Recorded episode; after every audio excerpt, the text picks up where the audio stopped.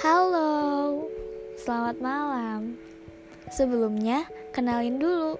Nama aku Nurul. Nama kamu siapa? Senang ya kenalan sama kamu. Ini bakal jadi episode pertama aku di podcast. Ya, pertama kalinya aku bikin yang kayak gini. Excited banget sih dan deg-degan. Takut gak ada yang nggak dengerin. di sini tuh aku kayak bakal cerita tentang sedihnya, senangnya, dan berbagai rasa lainnya yang bakal tiap orang alamin di kehidupan. Oke, okay, untuk mm, malam ini aku bakal cerita tentang broken home. Apa kamu juga salah satu dari anak broken home? Semoga aja bukan ya. Kalau aku sendiri, aku itu salah satu dari anak broken home dari kelas 1 SMP. Orang tua aku udah cerai. Mereka udah pisah rumah, pokoknya ya mau ketemu mereka sekaligus itu susah. Jadi kayak ketemu sama mereka harus salah satu dari mereka. Aku mau ketemunya sama siapa nih? Bapak ya udah bapak. Ibu ya udah ibu. Aku nggak bisa ketemu mereka dalam waktu yang sama. Sedih sih. Hah, tapi sekarang aku udah bisa nerima itu. Walaupun sesekali mungkin masih sesak nginget-nginget hal-hal sedih kayak gitu. Tapi sampai ya tapi detik ini aku udah bisa nerima itu dan mungkin bersikap biasa aja. Um, jadi gini kebanyakan yang aku dengar kalau cerai itu bapaknya yang gak bener bapaknya yang selingkuh bapaknya yang punya simpanan cewek lain dan lain sebagainya. Tapi kalau di cerita aku ini ibu aku yang kayak gitu. Iya ibu aku yang selingkuh dari bapak aku. Ibu aku yang punya simpanan cowok lain. Bahkan cowok itu lebih muda dari umur ibu aku kalau misalnya ada yang bilang bukan misalnya sih ada yang bilang cinta pertama aku itu hancur sama ayah aku. Tapi aku enggak.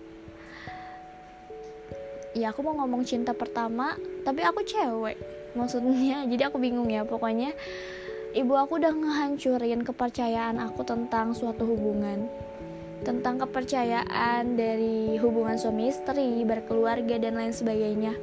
Jadi aku tuh kayak punya trauma gitu sama hubungan-hubungan yang lebih dari teman sebenarnya, apalagi kayak punya rasa suka dan yang lainnya. Bahkan sampai saat ini aku kayak belum punya pikiran buat menikah dan sebagainya karena kejadian ini. Kayak ngefek banget sih buat hidup aku banyak yang bilang kayak ya kamu jangan mikirnya kayak gitu dong. Kayak ya kamu berusaha buat biar kejadian itu nggak kejadian sama kamu atau ya kalau misalnya kejadian buruk terjadi sama keluarga kamu nggak mungkin kan kejadian sama kamu juga. Ya dan kata-kata atau kalimat lainnya dari teman-teman aku atau orang-orang yang tahu tentang cerita aku ini dan aku sendiri juga tahu dan sadar dan perkataan mereka juga nggak ada salahnya sebenarnya. Cuman kalau misalnya udah ada rasa trauma itu kayak bakal jadi ketakutan sendiri gak sih? Walaupun kamu tahu itu salah tapi kamu tetap aja takut. Kalau kamu ngerasain kayak gitu gak sih?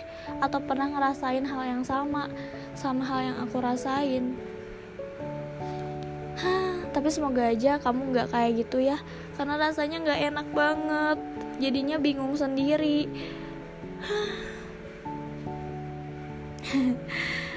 Aduh tuh kan jadi kebawa emosi jadinya. Oke aku lanjut lagi ya. Jadi gara-gara kejadian itu banyak ada banyak beberapa hal yang ngefek sama kehidupan aku sebenarnya kan.